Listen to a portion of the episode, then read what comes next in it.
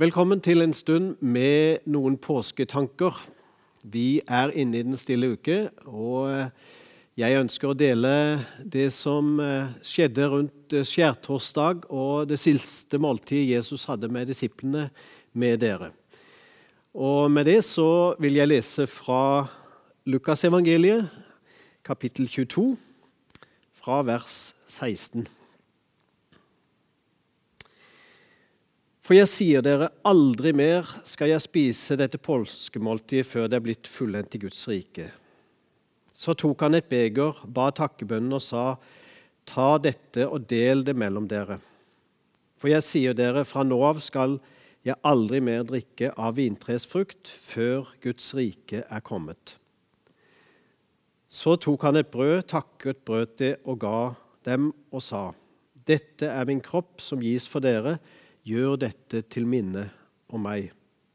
På samme måte tok han begeret etter måltidet og sa, dette begeret er den nye pakt i mitt blod, som blir utøst for dere.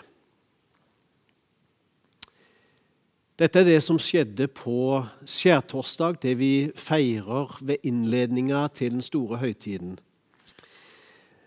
Det med påske og Jesus' siste måltid, det var noen Jesus hadde ønska å feire med dem lenge. Og Han visste at dette var siste gang han skulle spise sammen med dem før han skulle lide og dø.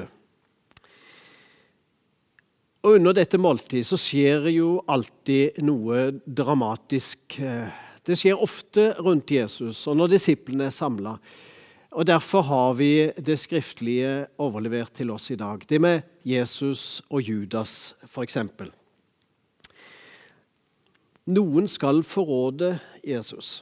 Det er eh, tøft å lese om, og samtidig reelt og menneskelig. og Det er som det skulle være dramatisert. Men slik var det. Det fantes en forræder, og Judas het han. Og han var midt blant de, sammen med Jesus, sammen med disiplene. Hadde begynt å spise, og så ser det ut som, i hvert fall i noen av de andre evangeliene, at han forlot stedet da før måltidet helt var over. Og Det måtte jo være vanskelig å se for Jesus, og vanskelig eh, for Judas spesielt når Jesus hadde vaska føttene til alle disiplene.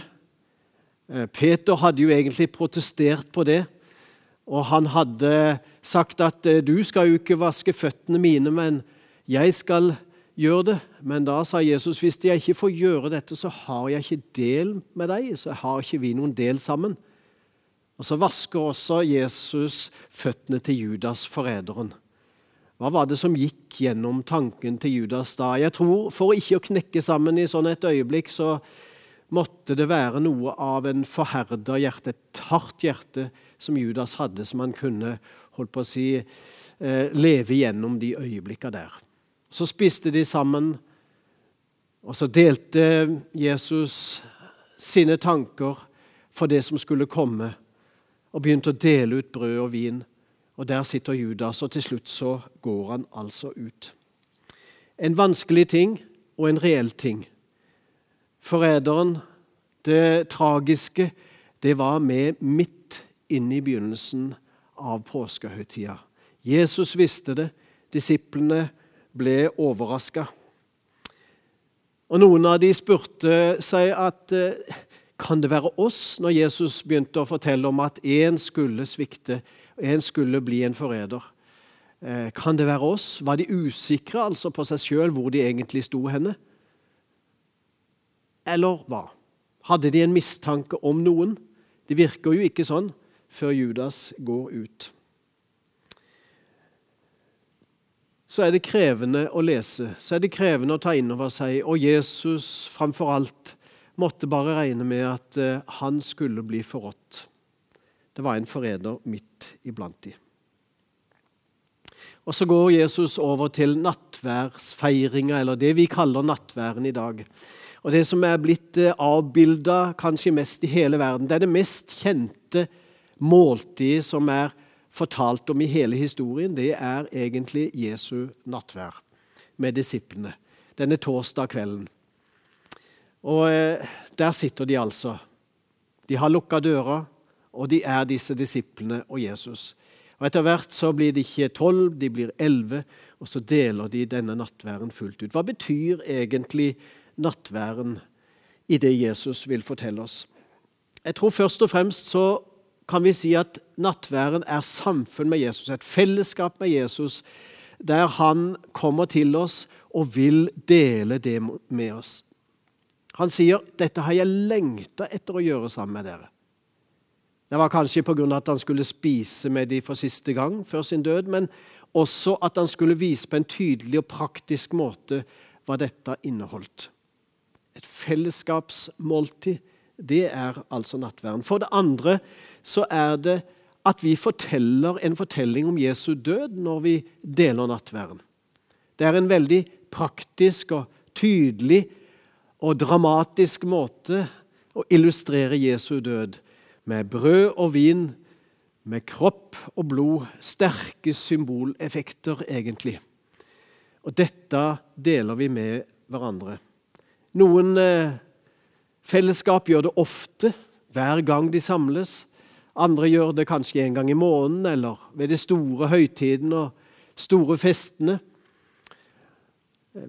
Det med å dele fellesskapet, det med å dele nattværen, det er noe vi da understreker at dette forteller vi om at Jesus er død. Det forholder vi oss til tydelig. Et klart symbol på det. Den tredje tingen jeg vil si om nattvær, er at det er en bekjennelse av troa. Mange er de som har gått fram og tatt imot nattvær, eller har fått tatt imot nattværen for første gang, og på den måten, uten ord, bekjent at dette tror jeg på, dette vil jeg ta imot, dette vil jeg ta inn i mitt hjerte og forholde meg til.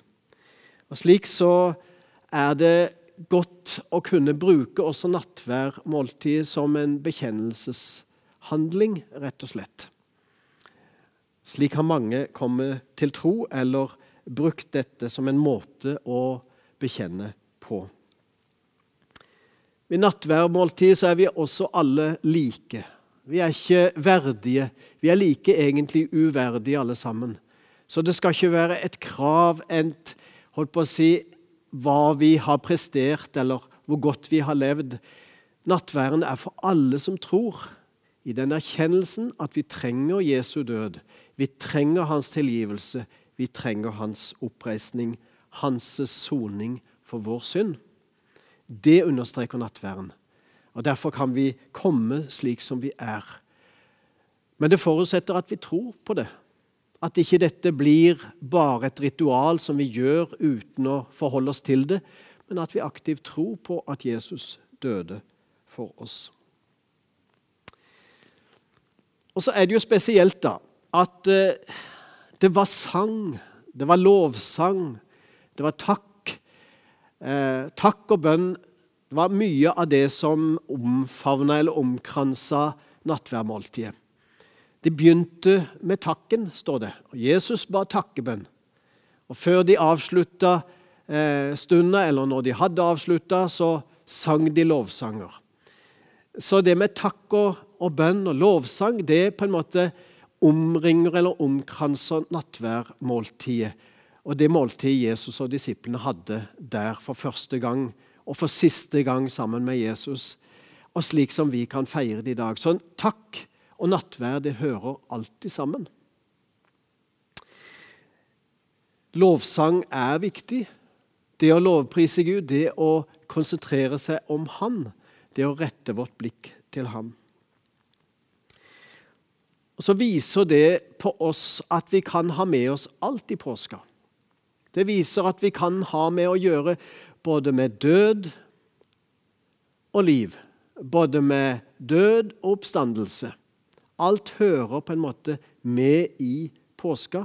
Og ved innledningen til dette spekteret av eh, hendelser som har revolusjonert verden, som har satt i gang holdt på å si, troens verden for så mange mennesker, så har på en måte innholdet Det favner alt. Og Slik viste Jesus at eh, påskas evangelium det favner alt. Og ikke bare det, det er i Jesu person dette skjer. Det er han som gir seg hen. Det er han som favner alt. Alt har vi i Jesus Kristus. Vi har hans død i han, vi har hans oppstandelse, vi har tilgivelse for syndene. Vi har på en måte livet og døden, alt i han. Derfor, hvis vi skal si hva evangeliet er, de gode nyhetene, så må vi peke samtidig på personen Jesus Kristus. Det er han vi samler oss om. Det er hans død, det er hans liv. Det er det vi deler, og det er det vi bekjenner oss til. Så har det på en måte både himmel og jord i seg, dette med nattværen. Dette med påskas innledning. I Jesus Kristus så har vi alt. I Misjonskirka så har vi lagd en praktisk veiledning eh, til å kunne feire nattvær hjemme, i grupper og hjemme, slik som vi pleier å gjøre det her til vanligvis i kirka vår. Nå kan vi ikke gjøre det for tida, og derfor oppfordrer vi til å feire det hjemme. Og det er slik at Har du tatt imot nattvær, så kan du òg gi det videre til andre. Jeg er glad for at vi har et slikt syn på nattværen. Det er ikke noen som noen spesielt innvia må gjøre eller stå for. Det kan vi dele med hverandre. Når vi har tatt imot, så skal vi også kunne gi det videre. Det var akkurat det Paulus skriver i 1. Korinterbrev. Når han skriver om disse tingene, så skriver han at slik som jeg har tatt imot fra Herren, gir jeg nå videre til dere. Han var en sånn formidler. Og Det kan også vi være med hverandre. Derfor finner du også veilederen på mkirken.no, eller .net, eh, der på menighetens nettside. Og Med det så vil jeg ønske deg god påskeinnledning til disse høytidsdagene og høytidsstundene. Og jeg vil ønske Guds velsignelse over deg, over nattværmåltid, over skjærtorsdagens begivenheter og inn i denne påskehøytida. La meg be. Herre Jesus, takk for at du er en god Gud å tilhøre. Du er en god Gud å tjene. Du er en god Gud å se hen til og ta imot det vi kan få av. Takk for at du kommer med liv. Takk for at du kommer med framtid og håp. Og allerede ligger det i nattværmåltidet. Det er din død for oss som gir oss håp og framtid. Det priser jeg deg for i Jesu navn. Må sove Herren Jesu Kristi nåde, Gud vår Fars kjærlighet og Den hellige ånds samfunn være med dere alle. Amen.